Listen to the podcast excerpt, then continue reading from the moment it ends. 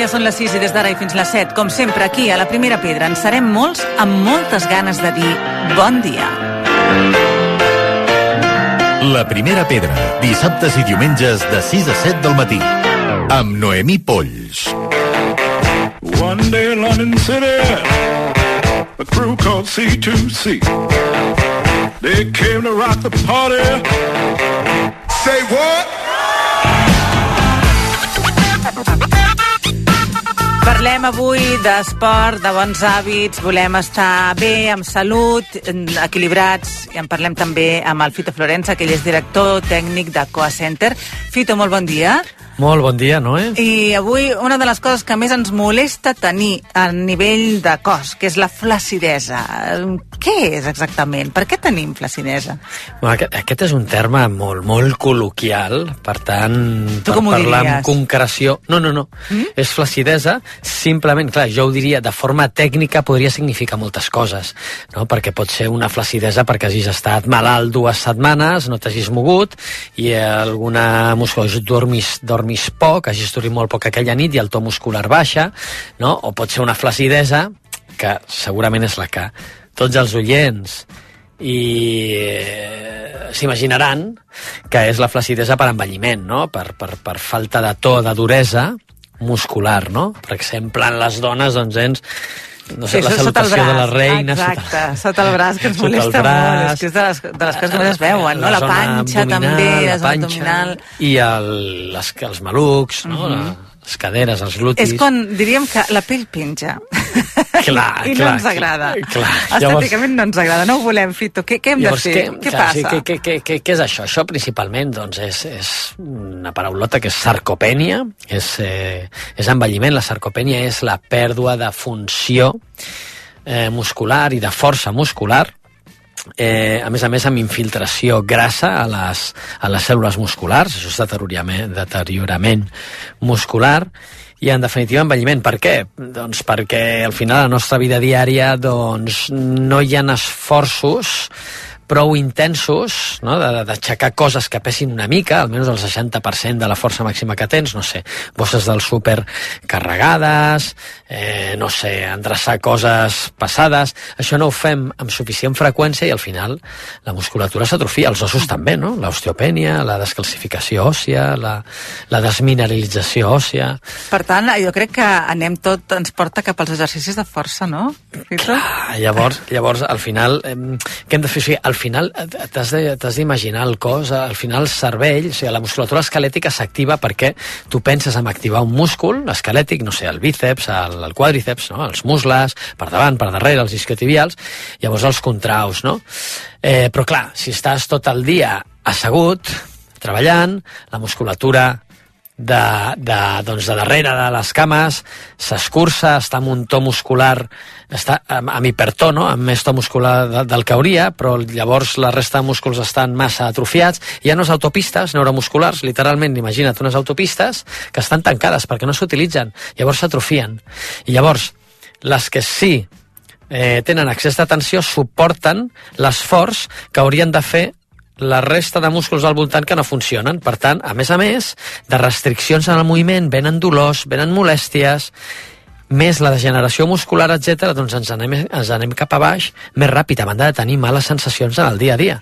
Per tant, què hem de fer? Esport, evidentment, però mm, força. Exercicis de força, forces d'empenya, de traccionar, d'ajupir-te, posar-te en peus, no? basat en habilitats motrius bàsiques humanes, has de també treballar la musculatura compensatòria del teu dia a dia d'estar assegut, asseguda moltes hores, o de, si fas un entrenament on utilitzes principalment la cadena anterior, els pectorals, és a dir, hem de treballar rotadors externs, és a dir, treure el pit, enxamplar la caixa toràcica, com si t'agafessin d'un fil pel, pel cogote, uh -huh. val? és a dir, allargar la columna, ficar el malic per activar el transvers i al final hem d'extendre la cadera. T'has de, si et poses tombat, tombada al terra, amb cames flexionades i aixeques el cul, treballaràs els extensors de cadera, que si no, al teu dia a dia, de cap forma ho treballaràs. Que fas exactament tot el contrari. Exacte. I això és el que s'ha de fer. No? Això és el que s'ha de fer. mm, Exercicis compensatoris de les nostres males rutines, o les rutines, simplement, no? Doncs contrarrestar-ho. I sobretot, clar, que et sentiràs millor que pitjor i, por ende, doncs la flacidesa Anirà anirà desapareixent una mica. no? I en Ah, qualsevol cas, si no la tens ara, fes-ho, perquè si no ho fas l'acabaràs tenint. És a dir, prevenir o millorar, i o millorar, que queda molt tècnic això. Però és veritat, és veritat. És veritat. què millor que prevenir, així no cal patir, perquè ja no ho tindrem. Sí, senyora. doncs aquí està, el, els consells del Fito. Moltíssimes gràcies. Moltes gràcies a tu, Noé, i a tots. La primera pedra, dissabtes i diumenges de 6 a 7 del matí. Ens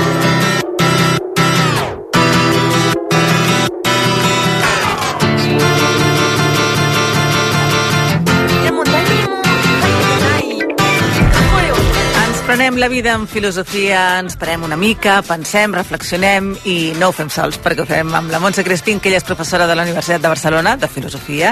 Montse, bon dia. Bon dia, Noemi. I avui parlem, escolta'm, d'un terme que eh, ara s'ha fet evident, que l'hem utilitzat molt i que, per tant, deu dir molt de la nostra societat, que és la polarització. Uh -huh. Al contrari que aquesta eh, parar-se a pensar que deies. Exacte, tens tota la raó. Noemi. En efecte, cada any, al mes de desembre, a finals de desembre, la Fundació de l'Espanyol Urgent, Fundeu, la trobaran els oients, promoguda per la Real Acadèmia Espanyola de la Llengua i l'agència EFE, tria una paraula.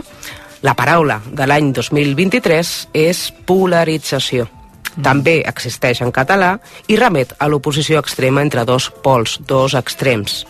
És molt comuna, Noemí, segur, eh, que l'hem escoltada als mitjans, a les tertúlies, mm. per tant, amb els tertulians que parlen específicament de eh, qüestions de caràcter polític. Vot polaritzat, polarització ideològica, radicalització i polarització... Segurament, Noemi, tu l'has emprada. I tant, per exemple, estic pensant ara amb la pandèmia, doncs els vacunes i els antivacunes tenen actituds polaritzades, hi ha hagut molta polarització amb aquest tema. Efectivament, són dos pols, dos extrems oposats. Aquells a favor, molt a favor, no? per posar la, Exacte, aquest molt. extrem Sí, sí, eh? sí. de les vacunes i aquells molt contraris a, al tema de, la, a, del, de les vacunes, de, de, en aquest cas de, de la Covid. La polarització, de fet, és germana de la dialèctica amic-enemic, que fonamenta una part de la superfície d'aquesta opinió pública, molt particularment qüestions, com dèiem abans, de caràcter polític. I que així i tot, o precisament per això, és una arma molt poderosa, perquè juga amb quelcom que és molt humà. És aquest sentiment gregari, la necessitat que tenim, Noemí, de pertinença a un grup o un col·lectiu imaginari, els nostres, eh, que suposen a un altre grup o col·lectiu igualment imaginari, els altres, no? els que estan a favor de les vacunes, aquells que estan en contra, no? aquells extrems que estàvem dient. Per això, aquesta polarització sol anar acompanyada de la crispació i la confrontació. Però també, que és el que diem normalment, els pols oposats s'atreuen. I tant. I aquesta atracció, jo crec, Noemí, que estàs d'acord, que té a veure amb aquest mateix mecanisme. Aquests extrems, al final, funcionen de la mateixa manera. Mm -hmm. I en aquest cas, com deia jo al principi, aquest mot eh, explica molt de la nostra societat, del que estem vivint, no? de, del context en el que vivim. Efectivament, però potser aquesta polarització, aquesta crispació, aquesta manera de no sortir de la dialèctica amic-enemic ens diu molt de la nostra societat, com tu eh, bé deies, però sobretot de la nostra tendència a agafar-nos a agafar-nos a dogmatismes. Mm -hmm. I jo crec que la filosofia, i tu deies abans, parar-nos a pensar, quelcom que ens ensenya és a ser antidogmàtics, a ser heretges d'aquest dogma o dogmes eh, polaritzats. Mm -hmm. Posar en dubte també moltes coses i qüestionar-nos, és a dir, com deies tu, efectivament. parar-nos a pensar. I sortir de la tempesta i del soroll de fons que dona aquesta polarització. Exacte, i avui acabem amb un llibre, amb una recomanació, si algú vol ampliar també aquest concepte. Mm -hmm. Un llibre del filòsof francès Eric Sadin, La era del individuo tirano, que ha editat i publica Caja Negra. perquè aquest autor, Saden, eh, posa una sèrie de reflexions que serveixen per eh, aquest lligam amb la polarització i els mitjans també. Eminentment, les xarxes socials estan molt polaritzades i molt Oh, i crispades. I ell parla, eh, Eric Saden, de el que és la nostra època, tu deies, la nostra societat, que és la de la ingovernabilitat permanent. Ingovernabilitat permanent, Mhm. per tant, eh, un tema per reflexionar. Com sempre, Montse, un plaer, moltíssimes gràcies. Gràcies a tu, Noemí.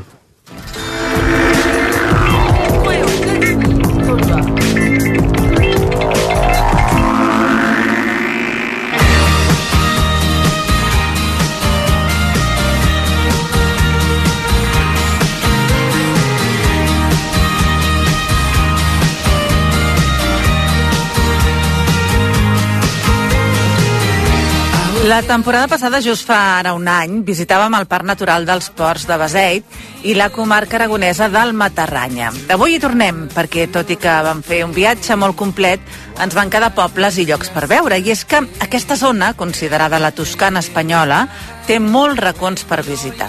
Cap al Matarranya i cap als ports hi tornem amb el nostre company dels serveis informatius i guia turístic, en Josep Ferrer. Josep, molt bon dia. Hola, molt bon dia. En la temporada passada justament vam descobrir Arnes, Queretes, Beseit, Valderroures, Horta de Sant Joan, el poble que va enamorar Picasso, i avui ens portes encara amb altres llocs perquè és que realment hi ha molt que visitar. Sí, la veritat és que és una comarca i una zona amb molt contingut històric i natural. Eh? Mira, si et sembla, començarem resseguint alguns dels llocs que van captivar Picasso. Aquest cop sortirem d'Horta de Sant Joan i ens endinsarem al Parc Natural dels Ports. En el recorregut ens aturarem al Mas de la Franqueta, el lloc on es va allotjar Picasso. Molt a prop hi ha una àrea de pícnic amb una font on podrem fer un bon esmorzar. I a només mig quilòmetre podem visitar l'àrea interpretativa de la Marbera, on ens recorda que en aquest indret, durant uns quants anys, es va extreure marbre de molta qualitat. També podem visitar la cubeta de Ullals de Moragó, coneguda amb el nom de Cova de Picasso, perquè Picasso també hi va ser. I veure també el convent de Sant Salvador, situat als peus de la muntanya de Santa Bàrbara. I si sou imaginatius i somniadors, podreu cercar les imatges que suggereixen les curioses formes de les muntanyes dels ports i podreu veure, per exemple, entre altres, una mòmia i la cara d'un gos. Doncs mira, aquesta proposta m'agrada. La pròxima vegada que vagi als ports buscaré aquesta, aquesta mòmia i aquest gos. Però ara per on seguim? Mira, després de passar un matí envoltats de natura, a la tarda ens podríem apropar al poble de Calafeit, un dels més bonics del Mataranya.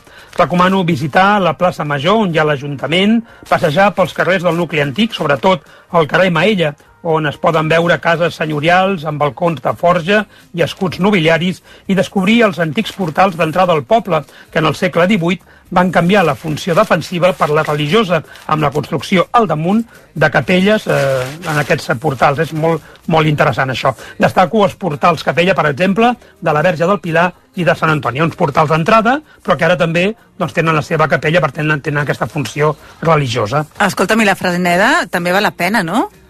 Per mi sí, és un poble més petit que Calafeit, però que té molt encant.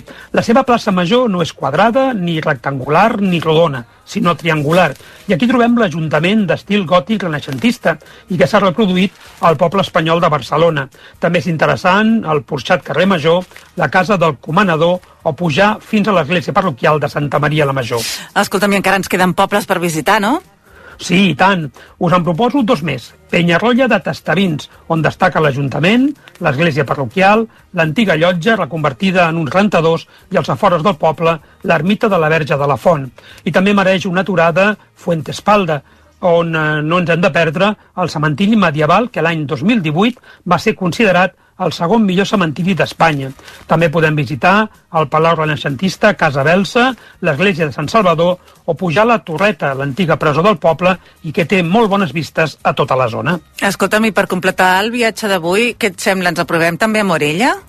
Sí, tot i que no forma part del Matarranya, està situat molt a prop i crec que és un bon lloc per incloure'n en una visita a aquesta zona. Arribant a Morella veurem dos trams de l'aqueducte de Santa Llúcia construït en el segle XIV i d'estil gòtic. I sobretot quedarem bocabadats amb la imponent muralla amb un metre de dos quilòmetres i mig, una altura que varia dels 10 als 15 metres i amb uns murs de 2 metres de gruix. A Morella podem visitar el castell, situat dalt d'un turó, i ja dins del nucli antic, eh, entrant per la porta de Sant Miquel, arribarem a l'Ajuntament, amb bonics salons gòtics. Podem pujar fins a l'església arxipastral de Santa Maria la Major i recorrent el carrer Porticat Blasco d'Aragón arribarem fins al Pla de l'Estudi i al Portal del Rei, amb excel·lents vistes al castell i a la comarca dels Ports. A Morella també podem veure una exposició, fixa't, de dinosaures. Escolta, Josep, i quina relació té Sant Vicenç Ferrer, el patró de la ciutat de València, amb Morella? Mira, a Morella hi ha una casa on la llegenda diu que Sant Vicenç Ferrer va ressuscitar un nen. Els fets van passar al 1414, quan Sant Vicenç Ferrer es va allotjar en una casa de Morella per reunir-se amb el papa Benedicte XIII, el papa Lluna, i també el rei Ferran I. La dona de la casa on s'havia d'allotjar el sant, preocupada perquè no tenia menjar per oferir-li, en un atac de bogeria, no se li va ocórrer altra cosa, fixa't, que matar el seu fill de sis mesos i cuinar-lo com si fos un xai. Carai. Fins i tot, per provar si estava bo el que cuinava, la mare es va cruspir un dit del seu propi fill. Quan anaven a menjar, el guisat, Sant Vicenç Ferrer se'n va donar, va agafar els trossos del nen, els va juntar i els va ressuscitar. Però li faltava el dit que s'havia menjat la mare. Una placa on hi ha la casa recorda aquesta història que sempre queda en el dubte de si va passar de veritat o és una llegenda que s'ha transmès de generació en generació. Home, una història una mica macabra, però alhora també curiosa. Uh, escolta'm, uh, ho deixem aquí, Josep? Sí, però si et sembla, em quedo pel Matarranya preparant el pròxim viatge. I no hi ha millor manera que preparar-lo que fer-ho des d'un dels molts assecadors de pernils que hi ha a la zona tot degustant aquesta deliciosa menja. Ai, sí, que bo. Doncs ara sí que ens fas dentetes i ens obres gana a aquesta hora del matí i un bon pernilet i ens el menjaríem. Com sempre, Josep, moltíssimes gràcies. Fins al proper viatge. Doncs bon dia i fins la propera.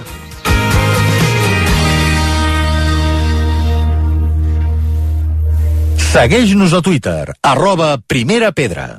I mentre preparem viatges pels dies de vacances que han de venir, volem gaudir del camí i en Jordi Margarit ens fa una proposta per fer una sortida a casa nostra. Bon dia, Jordi. Bon dia, Noé. Ho vaig veure de lluny per primera vegada, circulant per l'autopista en direcció a Lleida. Ara no sé si anant o venint de la capital de Ponent.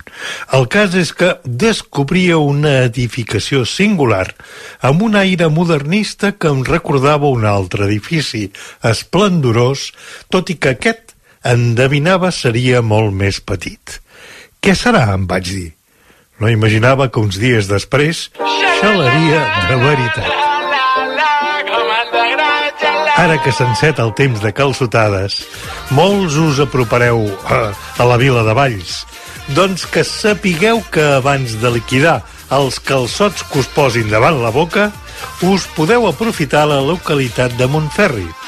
És una petita població que compta, però, amb una de les edificacions emblemàtiques de Josep Maria Jujol, un dels col·laboradors d'en Gaudí.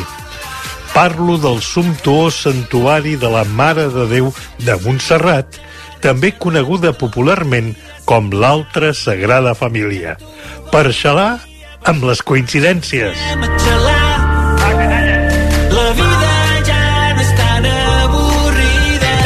El santuari de Montferri té una base que imita el cas d'un barco orientat cap al monestir de Montserrat.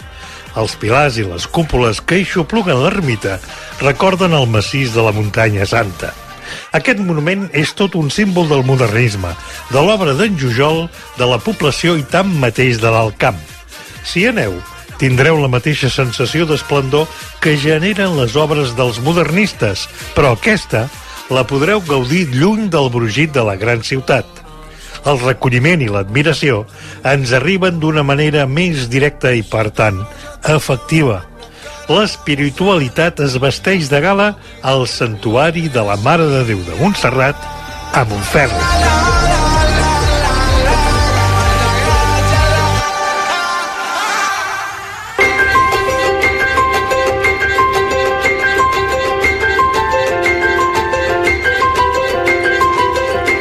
Volem agafar bones lectures i nosaltres sempre tenim editorials de referència, com per exemple Les Hores. I avui volem parlar amb la Maria Sempere eh, de les últimes novetats que trobem encara a les llibreries. Maria, molt bon dia. Hola, molt bon dia, gràcies. Benvinguda. Ganes de remenar, com sempre, a les llibreries i trobarem aquests dos títols que són els vostres dos últims. Eh, que no s'apagui la flama. Comencem per aquest. Doncs sí, si realment no, els Reis no us van portar aquell llibre que desitjàveu, doncs aquí sempre tenim l'oportunitat no, d'autoregalar-se un, un llibre, que sempre és una cosa bonica a fer. És un no? gran plaer, sí. I per començar no, jo, a tornada no, al, al, al món laboral doncs sempre està bé no, un refugi. No? I en aquest cas seria un bon exemple que no s'apagui la flama, no? un refugi, una novel·la que és una novel·la divertida, l'autora és la Miriam Tapes, que sabeu que és una autora que nosaltres ja hem publicat diferents títols d'ella, realment aquest seria el quart títol que publiquem, hem fet Les tristes recances, Elles parlen i Una bondat complicada, és una autora d'origen canadenc que realment la Recordo compara. elles parlen perquè l'he llegit i una, un argument dur, eh? Eh? Una mica de paral·lelisme amb el cuenta de la criada, no? Exacte, mira, precisament la Margaret Atwood, eh, no, l'autora del, del conte de, de la serventa, recomana que llegeixis a la Miriam Tapes, no? I com també som canadenques, no? són com compatriotes, no? i unes a les altres es llegeixen mútuament. No? També l'Alice Munro, la PNM Nobel, recomana que llegeixis a la Miriam Tapes. Doncs l'hem de llegir, l'hem de llegir, encara, evidentment, de que no s'apagui la flama. I a més a més m'agrada molt que sigui eh, que ens faci riure una mica, perquè a vegades ho necessitem, oi? Fa falta. Eh, aquesta, aquesta autora, si heu llegit els anteriors títols, sempre té eh, una ironia molt present en tots els seus textos. Els temes de fons són potents, no? parla doncs, en aquests llibres que hem comentat no? sobre la dignitat d'unes dones a un poblat menonita que parteixen una agressió sexual, o sobre el, el dret a decidir sobre la pròpia vida, en el cas de les tristes recances. I, I en aquest cas, el que estaria tractant eh, aquesta novel·la és la importància de viure amb una, positiva, una, amb una actitud positiva davant de la vida, tots els entrebancs que et puguis trobar. Eh, sempre té molta ironia aquesta autora i en aquesta novel·la fa riure, i és difícil fer riure però realment amb aquesta ironia fa riure perd una mica el punt una mica més filosòfic i transcendent de les anteriors però sempre en el fons sí que té tot el tema de la llibertat individual com, com en, en el rerefons de la novel·la és a dir que el fons és un fons potent tot i que eh, l'expressió sigui com alegre, irònica, còmica no? Ens fa molt de gust aquest, la Míriam Tapes. I ens explica la història aquest de la, tres dones eh, eh, que viuen a la mateixa casa, val? o sigui, és, és una àvia de 85 anys, que és la, la, una de les protagonistes, que és com, ha tingut una vida molt dura, però té una actitud molt vital i és una dona com molt activa i molt histriònica. La seva filla, que està molt embarassada d'un nadó que naixerà i que no sabem pas on para el pare, d'acord? I després la, la, la, la neta, la filla d'aquesta senyora, seria el seu segon fill, que és la protagonista, que és la Sif, que és una, una, noia, una nena de 9 anys, que és qui, qui ens explica la història. Aquesta nena ha estat expulsada de l'escola per seguir les directrius de l'àvia, que no són més que és que has de lluitar per allò que creus que és just, no? I això ha portat a l'extrem, aquesta neta. I aleshores veurem com l'àvia serà l'encarregada durant aquesta època que ja està expulsada de l'escola d'educar-la a casa, amb una educació que us podeu imaginar com és, no? Amb el, bueno, serà l'encarregada d'intentar explicar en aquest poc temps que li queda, perquè l'àvia està molt malalta, realment el que intentarà és transmetre-li la importància d'això, de que no s'apagui la seva flama interior, no? Ai, que que seria maco. aquesta vitalitat i aquesta necessitat de prendre's la vida no? positivament i amb alegria. Molt necessari aquest llibre, terapèutic serà segur. I l'altre tema, l'altre títol, és eh, Petits mons, del Caleb Azuma, que, que és molt diferent, Absolutament diferent. però és una explica una altra realitat també molt actual. Absolutament, o sigui, el, el Caleb Azuma Nelson és un autor eh, mm, ganès de segona generació, és a dir, ell ha nascut a Londres, viu actualment a Londres, i els seus pares són els que van migrar de Ghana a, a Londres. En aquest, això seria la història real d'aquest escriptor, que aquesta és la seva segona novel·la, i amb la primera va rebre premis molt rellevants eh, a Anglaterra, que es deia eh, eh, Small Waters, eh, aigües, aigües petites, i aleshores en aquest cas ens explica la història, el gran tema seria tot el tema de la immigració actual a la societat occidental, eh, la realitat dels migrants de segona generació, no? en aquest cas a Londres, i ens explica la història d'un jove, l'Stephen, que té 17 anys i començarà l'any vinent, hauria de començar la universitat, i ha d'encarar, bueno, s'ha d'encarar amb la seva família que esperen d'ells, donat que ells van tenir una migració i uns primers anys molt d'usos quan van fer la migració de Ghana cap a Londres, esperen d'ell que vagi a la universitat, que trobi una feina estable, que es compri un pis, una parella, una vida com ordenada, no? allò que ells no van poder tenir. I en canvi, el jove Stephen el que voldrà és dedicar-se a la música, que és la seva gran passió.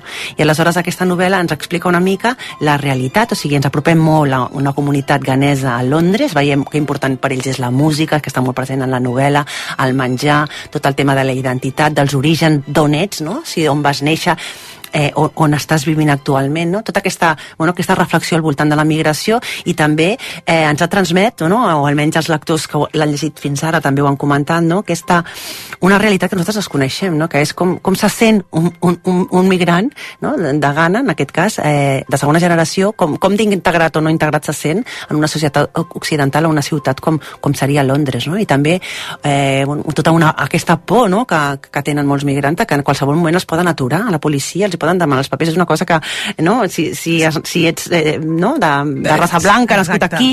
Eh, no ho vius, no, no, no vius, pateixes. no, no, no, no, no ets conscient, no? i penso que transmet molt bé tota aquesta sensació, no? i nosaltres t'apropa una realitat que pensem, o fins a nosaltres no, no l'havíem hem llegit no? amb aquesta naturalesa i amb aquesta actualitat. No? Ell és un eh, escriptor que té 35 anys, és a dir, que és, és Molt molt, jove. jove. i realment és una de les joves promeses eh, bueno, en llengua anglesa actualment. No? Petits mons del Caleb Azuma eh, també serà la segona proposta que ens fan des d'aleshores i que, com dèiem, trobareu ara encara a les llibreries i val la pena tenir-lo. Aquest mes de gener que, que es fa llarg a nivell laboral i que el podem fer molt, molt, molt més fàcil llegint.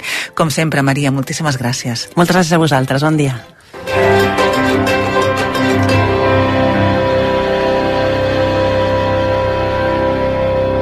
La primera pedra, amb Noemí Polls.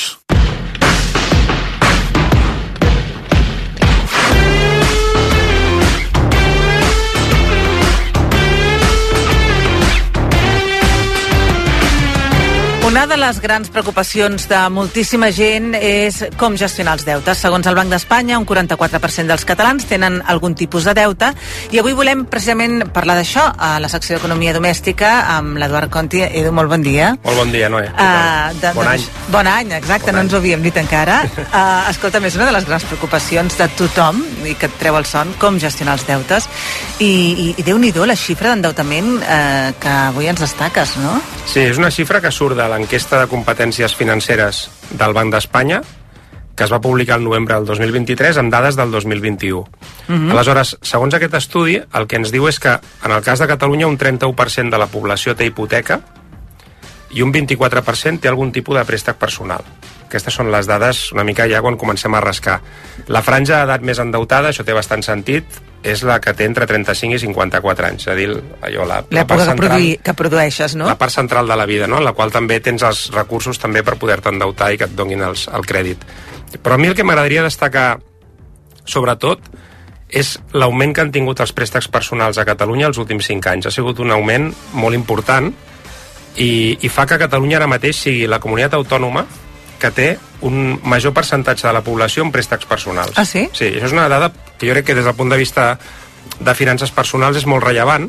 No és bo eh, per les famílies perquè els préstecs personals tenen interessos molt elevats, a diferència de les hipoteques, que ara mateix estan, Estan altes, però tot estan i estar altes són més baixes que un préstec. molt més, molt més. Els préstecs personals sempre són, són més cars, més cars que les hipoteques, i per tant eh, hem de saber que quan demanem un préstec personal el que passa és que haurem de pagar més interessos i per tant tindrem uns costos més elevats. Uh -huh. uh, per què han crescut els préstecs personals? Per què? A què es deu? Mira, jo crec que pot ser per dos factors, no? El primer és un del que n'hem parlat molt en aquesta secció els últims dos anys, que és la inflació. La inflació ha tingut un impacte molt gran a les despeses i aleshores això el que fa és que eh, ens faltin més diners, no? O sigui, te- tens més despeses, costa més arribar a final de mes i, a més a més, jo, jo crec que hi ha un segon factor que també n'hem parlat alguna vegada, que és que els ingressos eh, no són suficients. O sigui, segurament estan augmentant a un major ritme les despeses que no pas els ingressos. Mhm. I això el que fa és que crea uns, uns desequilibris en, en moltes famílies, en moltes llars. Després hi ha una altra dada que també surt de l'enquesta de, de l'enquesta de competències financeres del Banc d'Espanya, que també em sembla molt rellevant, que és que el 30% de, dels catalans no arriben a final de mes. És molt alt, això. És molt alt. Eh? És pràcticament una de cada tres persones tenen No més despeses que no pas ingressos, o han tingut més despeses que ingressos els últims 12 mesos. Ojo, eh? Sí, sí. Ojo, perquè, clar, això també obre la porta, no?, al fet d'haver-te d'endeutar en préstecs d'aquest tipus, com els préstecs personals. Uh -huh. Uh, a més a més, també, una altra vegada, una, una, una, no bona, una mala notícia, no?, que és que, en aquest sentit, eh, som la comunitat autònoma amb el percentatge més alt de persones que no arriben a final de mes, juntament amb la regió de Múrcia. històricament no era, aquesta la, el, no era aquest el lloc que tenia Catalunya dins de la- de l'economia espanyola. Um, llavors, quines són les tres coses que més fem les persones quan no arribem a final de mes? Ni idea. Digue'm en alguna. Quan Què- no arribes a final, podem fer? t'endeutes més, podria ser. Una seria exactament ens, eh, ens endeutem, demanem un préstec, eh, també consumim... es- El primer Clar. que fem és consumir estalvis. Exacte, abans els, d'endetar-te gastes el que tens. els qui tenen estalvis. Sí. No tothom té estalvis, però qui té estalvis, el primer que fa quan no arriba a final de mes és consumir estalvis. En, seg en segon lloc, una cosa que passa molt al nostre país és que es demana ajuda als familiars. Mm. Això és molt habitual. També se n'ha parlat molt, eh, de com estan ajudant les generacions més grans, les que són ja... N'hem parlat també aquí. estan cobrant una pensió de vegades. jubilació, com estan ajudant a les seves famílies a arribar a final de mes a cobrir necessitats bàsiques, no anar-se'n de vacances, no, no, a cobrir necessitats, a pagar escoles, a pagar compres, etc. no? Uh, I el tercer lloc és aquest que tu has comentat, no? que és el que avui, del que estem parlant avui, que és demanar un préstec per cobrir aquest dèficit. Um, o sigui que jo crec que sobretot podem concloure que els préstecs personals, és una, una hipòtesi, eh, però jo crec que té molt sentit, que els préstecs personals han augmentat perquè hi ha moltes més persones que no arriben a final de mes. I si estem entre aquest 44% de catalans endeutats, què hem de fer? Mira, ha, quan tenim deutes, mm? amb independència del nivell de deutes, hi han dues coses que sempre hem de fer. La primera és fer una llista de quins són aquests deutes. I en aquesta llista el que hem d'apuntar és quin és l'import de cada deute, quan ens queda per pagar, quin és el tipus d'interès que estem pagant, quin és el venciment d'aquest deute i quina és la quota mensual que estem pagant. Val? Això el que ens donarà és una idea de quina és la situació a nivell d'endeutament. Quina és la situació que tenim, veurem quin és el deute total, quan devem, i també quin és el pes que té el pagament d'aquests deutes en el nostre pressupost, perquè al final la suma de quotes mensuals el que fa és dir-nos quin esforç estem fent com a persona o com a família a l'hora de pagar aquests deutes. Llavors, primer punt, fer una llista dels deutes, molt important. Sembla molt obvi, Però no és. però m'he trobat sí. moltes persones que... Que diu, no diuen, sé què dec, no sé. No sé què dec. Sí, sí. Totalment, eh? I inclús Però a vegades és per por de mirar els números a la per cara. por de mirar, però inclús també hi ha una cosa que a vegades pre- preguntes, escolta, i aquest deute quin venciment té? És un, és un préstec de 5 anys, de 6 anys? Ostres, no me'n recordo. Dius, una cosa tan important com aquesta, a vegades la fem, en el moment que la fem, veiem quina és la quota que haurem de pagar al mes i, escolta, i ho anem pagant cada mes i ens oblidem d'això, quan és un tema crític per les finances d'una família o d'una persona. Llavors, després de fer la llista dels deutes, el segon que hem de fer és estudiar quin és l'impacte dels deutes mm -hmm. en el nostre pressupost eh, personal o familiar. Llavors, les preguntes que ens hem de fer, podem pagar els nostres deutes actualment? O sigui, estem tenint aquesta capacitat per pagar els deutes? Eh, ho podrem seguir fent en el futur? Perquè, clar, eh, potser tenim informació sobre els propers mesos que fan que ja puguem avançar-nos a que tindrem problemes per pagar els deutes, no? Um, I pot ser perquè hi ha una revisió de l'Euribor i tenim una hipoteca, o pot ser perquè ja ens han dit a l'empresa que estan trontollant alguns llocs de treball, potser perdem la feina i ens baixen els ingressos, etc. No? Tot això té un impacte a l'hora de poder pagar els deutes. Llavors, si tenim problemes freqüents, habituals, a l'hora de pagar els deutes, i si estem dedicant més del 40% dels ingressos nets a pagar deutes, aleshores en aquí hi ha molts indicis de que tinguem un problema de, de sobreendeutament, d'accés de deutes. I què fem si tenim aquest problema? Clar, aquesta és la gran pregunta, no? Exacte, la Aquí hem pregunta de fer diverses coses. El primer que hem de fer eh, és, és intentar aturar l'endeutament, és a dir, no, no fer la bola més gran. Això no sembla també, tornem amb les Una obvietats, evidència, però, no. no sempre passa, eh? Sí. A vegades dius, home, ja que estem així, De- per ja una mica aquí, més que ja no m'endeuti, ja, no... sí. El problema ja és tan gran. I perds la por també, el deute. Exacte. Bueno, ho converteix... En, jo, jo he vist persones eh, que, estan, que han creat un hàbit d'endeutament. O sigui, així- així com l'hàbit... Acaben de pagar-ne un i ja... Clar, hi ha, hi ha l'hàbit de l'estalvi i també hi ha l'hàbit de l'endeutament. Sí, jo sí. m'he acostumat, el meu cos s'ha acostumat des de fa 20 anys, 30, 15, 10, ende estar endeutat. Mm. -hmm. Aleshores, quan es redueix el meu endeutament, mm, no ho celebro, vaig corrent a, a tornar-lo a augmentar el meu tornar-lo- a endeutament. No? a Llavors això, eh, important. Per tant, no demanar més préstecs. eh? Mhm. També vigilar, ara que estem en, a plena època de rebaixes, no? no demanar o no fer compres a terminis, encara que siguin sense interessos. Una compra a terminis és un deute, Mhm. és així. Eh? Encara que ens, ens diguin no, però si al final el que estàs, estàs pagant el mateix que pagaràs, però ho fas en 12 mesos. No, és, igualment és un deute. Després, una cosa també important que té a veure amb la psicologia, amb les emocions, és no evitar el problema, no evitar el problema uh -huh. i actuar amb el cap fred. O sigui, tenir el cap fred. Hem de, hem de reconèixer que tenim aquest, aquest problema i aquesta situació. Després, ens toca revisar a fons el pressupost personal i familiar. Llavors, això què implica? Doncs, per exemple, eh, repassar les despeses i veure si podem re reduir alguna d'aquestes despeses. Eh? Això és el primer que, que es fa, no? per fer-li més espai en aquest endeutament. I després una cosa ja més difícil, que és augmentar els ingressos, però que... Que no sempre es pot. També, tam no sempre es pot, però ho hem d'intentar. Després, eh, de cara als nostres... Eh, als bancs, per exemple, no? que són habitualment els que aquí devem diners, no? intentar negociar el deute. Eh? Un cop eh, tenim aquest, a, a, aquest reconeixement d'una dificultat per pagar el deute, és important que anem a parlar amb el banc, amb els nostres creditors, i veiem què es pot fer per reestructurar aquest, aquest endeutament. Si hi ha alguna opció, no? doncs, doncs que, que ens la plantegin, perquè això el que podria fer és reduir les quotes mensuals. És veritat que augmentaríem el termini, que això tampoc és bo, però si tenim realment una emergència hem d'actuar com a tal, no? reconeixent l'emergència. Per tant, la, a vegades la reunificació de crèdits pot no ser una mala idea, tot i que si es pot evitar s'ha d'evitar, però quan estem en una situació d'urgència doncs hem d'actuar.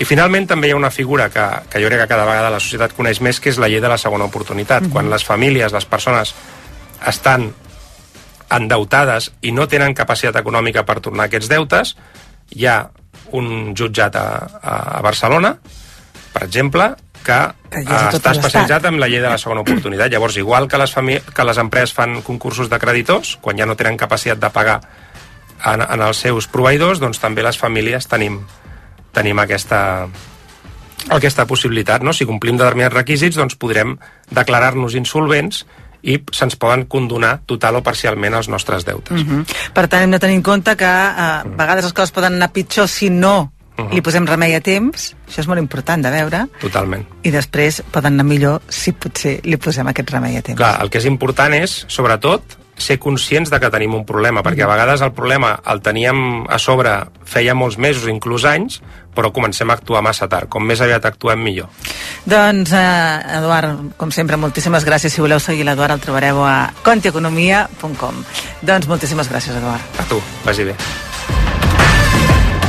La primera pedra, dissabtes i diumenges de 6 a 7 del matí.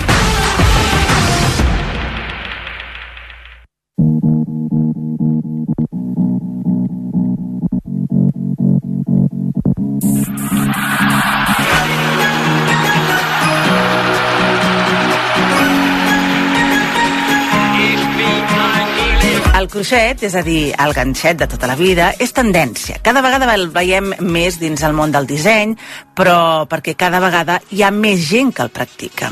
Hi ha molts tallers, clubs, botigues que reuneixen gent que fa ganxet i també, evidentment, a les xarxes. En van plenes de propostes i patrons.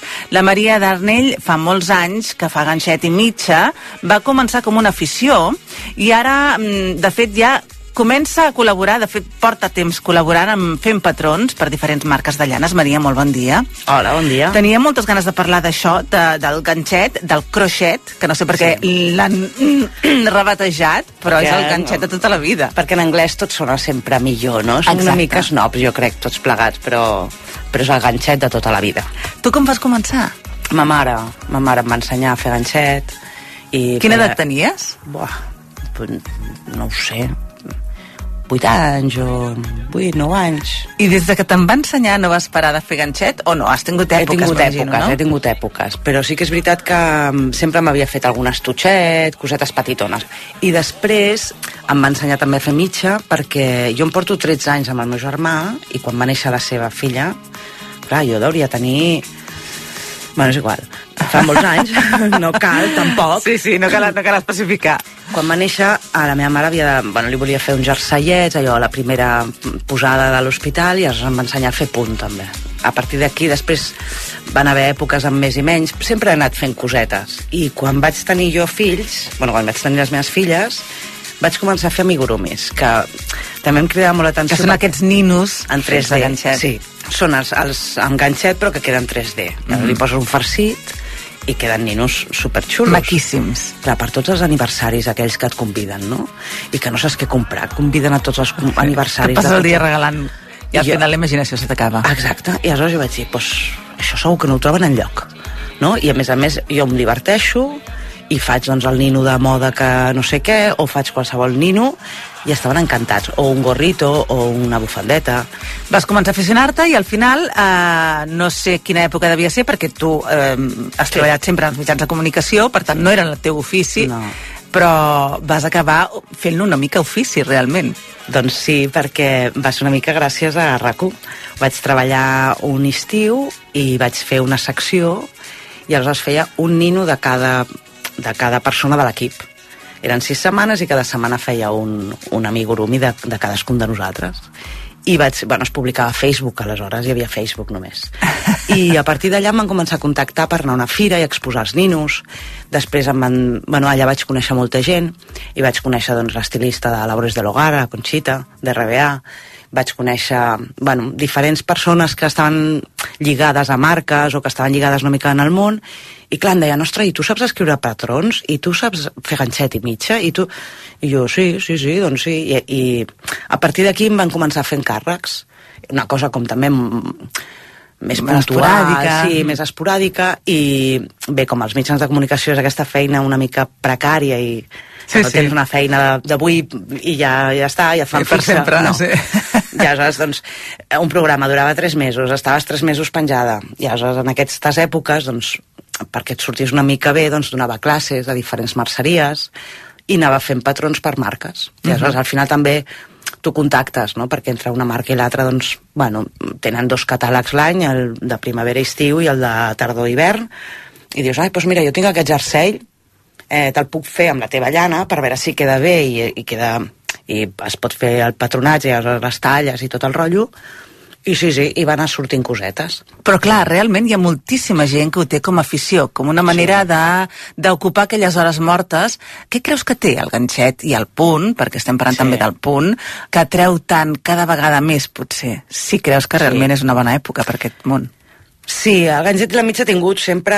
mm, Pujades i baixades. Sí, pujades i baixades en quant a modes així més generals, no? Però jo crec que és... Terapèutic. Sí, és terapèutic perquè el procés és divertit, però el procés és molt... Pots evadir-te, no? Perquè has d'estar comptant, no? Moltes vegades. Sí que és veritat que hi ha labors que potser no t'hi has de concentrar tant i pots fer, ara li diuen Netflix, no? El Netflix, En què és el de- Netflix? Eh, en anglès és K-N-I-T, no? I és Sí. de, de teixir, i aleshores el flix de Netflix, doncs Netflix, Ah. que estàs teixint mentre, mentre mires una pel·li, no? Ah, està bé. Un hashtag d'aquests que surten. Sí, sí.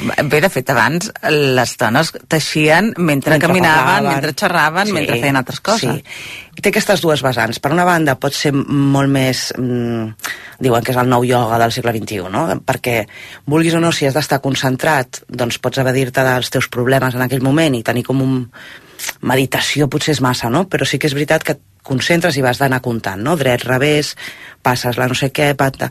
I has d'estar concentrat en allò i el procés doncs és enriquidor, però és que, a més a més, quan acabes, doncs Tens tens, una una, que bufanda, sortir. tens un gorro, tens uns guants, tens el que sigui, no? I, I després ja- és molt productiu. Ah, aquest fil conductor de qui et va ensenyar, perquè normalment són coses que s'aprenen a casa. Ara ja no sí. tant, però abans s'aprenien a casa. Sí, jo crec que sí que és generacional, vull dir que sí que és veritat que la majoria li han ensenyat l'àvia o li ha ensenyat la mare, i després hi ha gent que potser li van ensenyar i ara volen reprendre. Recuperar-ho. I per això moltes vegades hi han classes i tallers i això funciona. És que, de fet, cada vegada més es veu en el món de la moda coses fetes Oh. amb ganxet i punt. Sí. I tu deies, abans parlant, just abans de començar l'entrevista, em deies, és que aquí està, sí, és tendència, però és que hi ha països Sí. on és super tendència. Hi han dissenyadors específics de patrons de ganxet i de mitja i tenen renom i hi hi ha moltes fires i als Estats Units hi ha la Vogue Knitting o sigui, hi ha revistes Ah, per tant, hi ha Vogue de, dedica una sola revista a coses A fetes coses amb punt i amb ganxet. exacte. I, de fet, eh, es valoritza tant que fins i tot ha entrat en el món artístic. Sí, sí, sí, en el món de l'art hi ha coses precioses, precioses. La Joana Vasconcelos, Sí. que és aquesta portuguesa que fa coses precioses amb ganxet, no només amb ganxet, però també amb ganxet. Sí, sí, sí, hi ha moltes de les peces que ella fa que són fetes amb ganxet. I si hi ha algú que ens està escoltant que no ha fet mai ganxet i diu, escolta'm, doncs perquè jo conec a tal persona que fa ganxet que em regali una peça perquè, oi, m'encantaria que... me- Eh, potser en aquí sí que falta molta pedagogia. Què et pot arribar a costar a tu, per exemple, que en saps fer molt, eh, uns mitjons? Mira, uns mitjons de mitja, que s'ha de tenir en compte, que són agulles molt finetes, que te'l fas a mitja canya, tampoc no fer-te uns mitjons fins al genoll. Doncs et pot costar entre 15 i 20 hores. Clar, perquè al final, si poses a la venda un jersei fet a mà, té un preu i un cost. Sí, I sí, aquest sí. cost no tothom està disposat a, a, donar-lo, no? No, no, no, no està Mhm. clar. Però bueno, tu saps, si te'l fas per tu, no? Aleshores saps sí, tu sí el que, que saps costat. el que t'ha costat. Jo crec que aquí és on saps- està la clau també Exacte. de que tanta gent ara s'aficioni, no? Mm. Perquè eh, durant el procés de creació hi ha hagut tots uns pensaments que han acompanyat aquella peça Clar. també. Moltes vegades l'agafes i dius, ai mira, i et porta el pensament d'aquell moment. Sí, sí, sí. no sé si t'ha passat mai i a tu. tant. Jo tinc, mira, l'últim xal que em vaig fer, hi havia una part que t'havies de concentrar una mica més. No? I aleshores te n'adones de... Un cop el vas passant, dius, ai, com m'he equivocat aquí, estava pensant. I ara quan I a més a més recordes a vegades Clar, què pensaves. Sí, sí, clar. Si voleu seguir la Maria, escolta'm, et poden trobar per, per xarxes, a Instagram, que veureu Sí. coses molt interessants d'ella, coses que fa, i què més trobaran? Doncs la veritat és que vaig publicant les cosetes que, que vaig fent. Si... Hem de dir que és Maria... Maria amb guionet baix i guionet baix punt. Mhm. I després explicar també que hi ha una xarxa que és només per teixidors, Ah, que es diu Ravelry. Ravelry, a veure, Ravelry. amb B alta, B baixa? B baixa, veus? Ravelry, sí? R-Y. R-Y, Ravelry. Ravelry. Ravelry és una... Res, registres, és, és de tot, hi ha gent de tot el món, i en allà pots trobar patrons gratuïts i pots trobar patrons també de pagament, i trobes, eh, també es diuen cals, i amb K i amb C, que és de Knit All Together, és bueno, per teixir tots junts. No? I aleshores eh, mm, hi ha una persona doncs, que ha fet un patró i aleshores fa que crea, crea comunitat, que jo crec que és una mica el que passa amb les xarxes i amb el ganxet i la mitja jo crec que també es genera Comunitat, i tant. comunitat perquè- per necessitat. Clar. Perquè necessites a vegades Que algú, saber... que, que algú t'expliqui com es fa aquell punt. O, ostres, mira, m'ha costat molt, ah, a tu també t'ha costat, i a veure com et queda. I, doncs, Sí, mira, sí. jo he utilitzat aquesta llana. Ai, doncs jo he utilitzat aquest cotó. Ai, doncs mira, queda el mateix patró, et queda totalment diferent si el fas amb un material que amb un altre, no? I també és xulo compartir, jo he fet alguna vegada trobades, que hem fet un patró tots i cadascú ha comprat una llana diferent. I a veure com queda. I queda totalment diferent, sembla un Segur. jersei diferent, o sembla un top totalment diferent, no? I jo crec que això també, la mitja i el ganxet, com antigament, no?, quan es veien a la plaça, Sí, sí, no? sí. les senyores ja estaven allà brodant, o estaven cosint, o estaven teixint, i xerraven i s'explicaven les seves coses, no? Són els... mm, Bueno, la, el mateix que les xarxes, però en presencial. En presencial, que a Sí. vegades gairebé val la pena reivindicar, recuperar Sí. aquesta presencialitat. I tant, i tant, jo crec que sí. Doncs ens agrada molt recuperar també el ganxet avui, que n'hem volgut parlar perquè considerem que és tendència i voldríem que encara ho fos més. Per Sí. tant, eh, la Maria ha sigut un bon exemple. Moltíssimes gràcies, Maria. Et seguirem Gràcies aquest. Maria, guió baix, i guió baix, punt. Sí. Allà ens trobem. Que vagi molt bé. Moltes gràcies.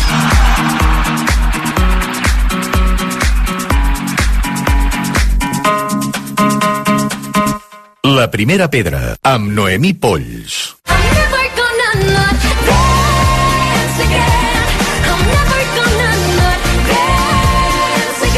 Jordi Ramos. Molt Jordi bon dia. Ramos, què és això que sentim? És la Sofia Coll. La Sofia Coll, sí, Sí, senyor. l'havies vist a Home, Eufòria, I suposo, tant, no? i tant, i tant, i tant. Doncs escolta'm, ara és una de les dues catalanes que es presenta al Benidorm Fest, però no només això, sinó que ara mateix és la favorita per guanyar i per anar a Eurovisió, i ho fa amb aquesta cançó. And I'm here to stay.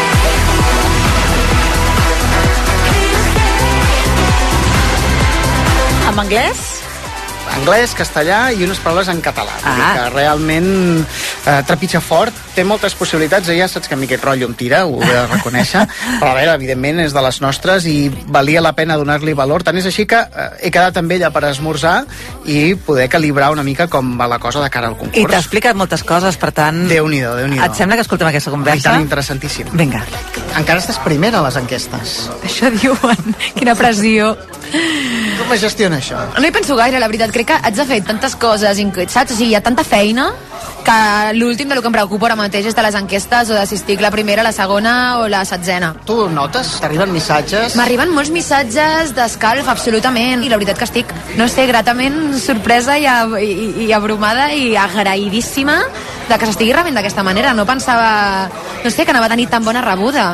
Clar, sí que és veritat que és com que hi ha expectatives, la gent també m'ha vist en directe a través d'Eufòria i que la cançó està agradant molt i Bueno, al final jo tampoc puc fer res amb aquestes expectatives, també cadascú tindrà unes expectatives diferents. Aleshores, jo m'estic preparant el millor que puc, estem fent les coses el millor que sabem i que està dins del nostre abast, i ja està, perquè no puc fer res més que el que sé fer. Clar, també és evident, i a Benidorm s'ha demostrat que l'aspecte visual té molta importància. Això us condiciona? Bueno, és que penso que és algo intrínsec, o sigui, penso que ja te'n vas a Benidorm sabent que l'important és la posada en escena i que l'important és com el gruix, i sí que és una cançó que vam composar eh, ja pensant en el directe i jo ja, saps, estava a l'estudi pensant en, saps, en la meva movida, tal, aleshores crec que el fort de la cançó, eh, a part de, del que es pot escoltar d'avui en dia, és el que veurem, saps? I que és una cançó que més còmoda de cantar i que, bueno, que em ve de gust interpretar. Ja sé que em diràs que no pots avançar res, clàssic... Però sí que és cert que almenys els catalans, quan pensem en Sofia Coll, de moment veiem eufòria. Sí. Ens recordarà eufòria? Hem de pensar en eufòria? A veure, penso que Eufòria em va mostrar molt bé, o sigui, jo estic molt contenta amb Eufòria perquè penso que se'n va pillar molt i que realment he mostrat diverses facetes de coses que jo sóc capaç de fer. Penso que porto molts anys treballant a dinner shows, a festes privades, eh, per clients, per... No? I, I llavors que realment el que vaig fer Eufòria és el que jo portava fent eh, doncs tota, tota la meva vida, com aquell qui diu, per portar-me un plat a taula. Aleshores, és possible que recordi Eufòria perquè al final em vaig mostrar com jo sóc i el que jo sé fer dalt d'un escenari i és el que seguiré fent. No serà cap calc ni cap eh, referència a cap actuació, però sí que penso que al final doncs, bueno, serà una actuació més i, i tant de bo recordi algú tan ben fet com també feien les coses a Eufòria. Bueno, realment va haver-hi alguna, moltes actuacions que van impactar moltíssim, eh? Jo m'havien dit, ostres, has de veure la Sofia eh, perquè és transgressora.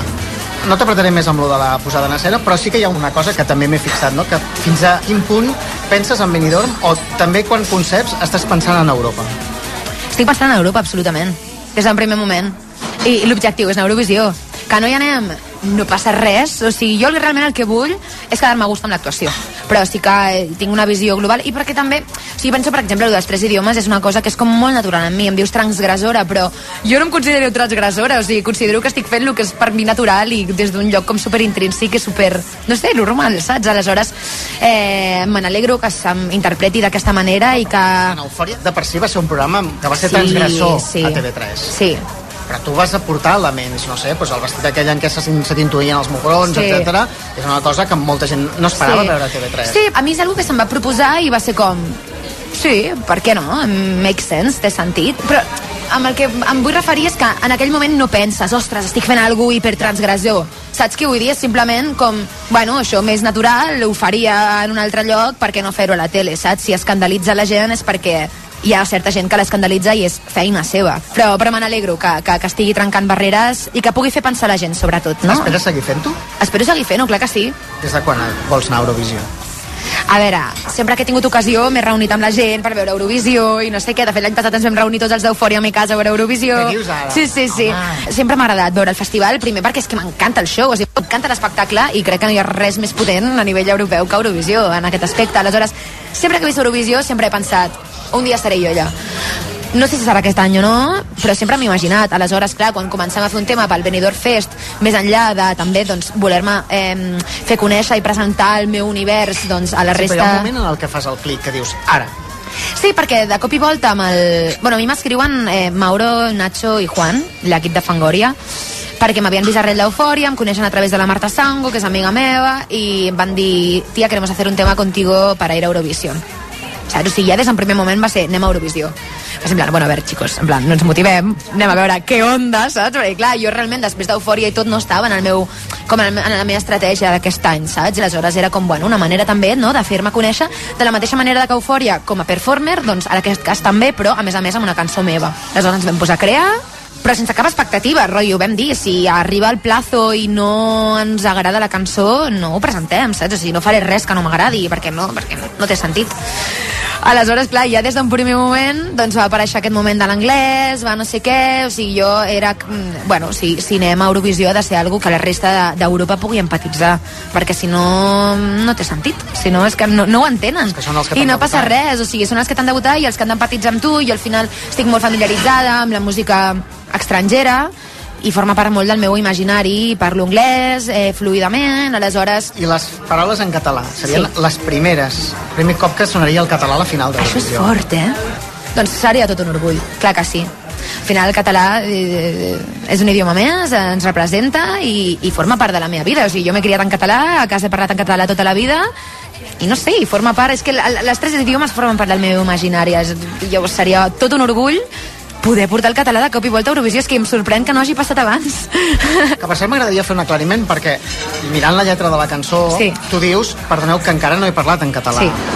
I em consta que alguna persona havia dit, perdoneu que no parli català. No. Tu no demanes perdó per no parlar No, dic perdoneu que no he parlat català que encara no he parlat català. Mm. Perquè realment, o sigui, jo el que volia era treure ara música en català, no sé què, cada cançons que tinc eh, pre- previstes, no? I després eh, barrejar, no sé què, bueno, tot una, una, una, una cosa que tenia jo al meu cap. Aleshores també penso que, bueno, que primer que era una manera d'agrair a la gent de Catalunya, que vulguis o no, penso que han sigut qui també, a part de que evidentment jo m'ho he currat, però si no fos per la gent no tindria jo aquesta oportunitat. Agrair el programa, agrair a TV3, agrair a, a, a, doncs a Catalunya, que, que m'ha donat molt caliu i m'ha donat molt d'amor i me'l segueixen donant i em sento molt estimada. Aleshores és com, ei, que no m'oblido de vosaltres, saps? De fet, la lletra diu això, dic, perdoneu que no he parlat català i de casa no s'ha de renunciar, o sigui, no estic renunciant de casa, simplement que forma part també tot això de mi.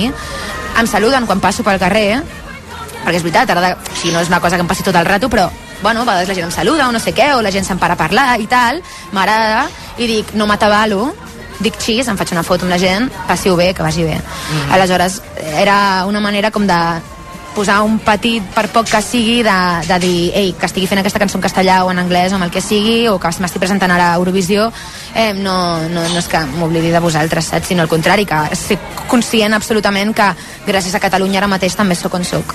Bueno, ja per acabar, finalment, el que sí que, almenys durant uns dies, hauràs de veure, o si no ho estàs veient ja, que et diguin diva eurovisiva. bueno, eh, crec que la, el missatge de darrere que hi ha és bo, no? Sí, m'agrada. M'agrada la performance, m'agrada jugar, m'agrada... És que m'agrada passar-m'ho bé i m'agrada explicar coses amb tot el que faig. Les grans triomfadores d'Eurovisió són dives, per tant... doncs a veure si és veritat, de- segui, seguiu-me dient diva, bon aleshores. Perfecte, Sofia, escolta, moltíssimes gràcies. Gràcies a tu. Molta sort. Merci. I veurem... Tant de bo, em faria molta il·lusió, la veritat, que, que ho faria, em faria molta il·lusió, seria molt divertit. I si no passa, doncs bueno, seguiré donant guerra igual, o sigui que no, no, no us lliureu de mi. Estarem pendents i ho seguirem. Moltes gràcies. Molt bon Doncs mira, uh, estic aquí per quedar-me i tenim nova diva eurovisiva que sortida de casa, jo diria, perquè ella també ho reconeix. Ho has vist, eh? Sí, sí. Oi, tant de bo li vagi molt Coll. bé. Realment jo crec que té... Bé, parteix des d'un punt molt positiu i veurem, veurem, perquè s'ho està currant molt i jo la veig molt ben encarada. Sí, sí, ens hem fet una mica més nostra, eh? Ara ja, ja anem ben encarrilats per la Benidorm Fest. Veurem, A falta també. Roger Pedrós, vam parlar És una mica amb ell l'altre dia, la setmana que ve sentim uh, Roger. Fantàstic. Ara, de moment, ens quedem amb aquest Estic aquí per quedar-me, mm, que és el tema de la Sofia Coll. Perfecte. Adéu-siau, que bon vagi bé. dia. Guess where I am, honey? I'm here to stay.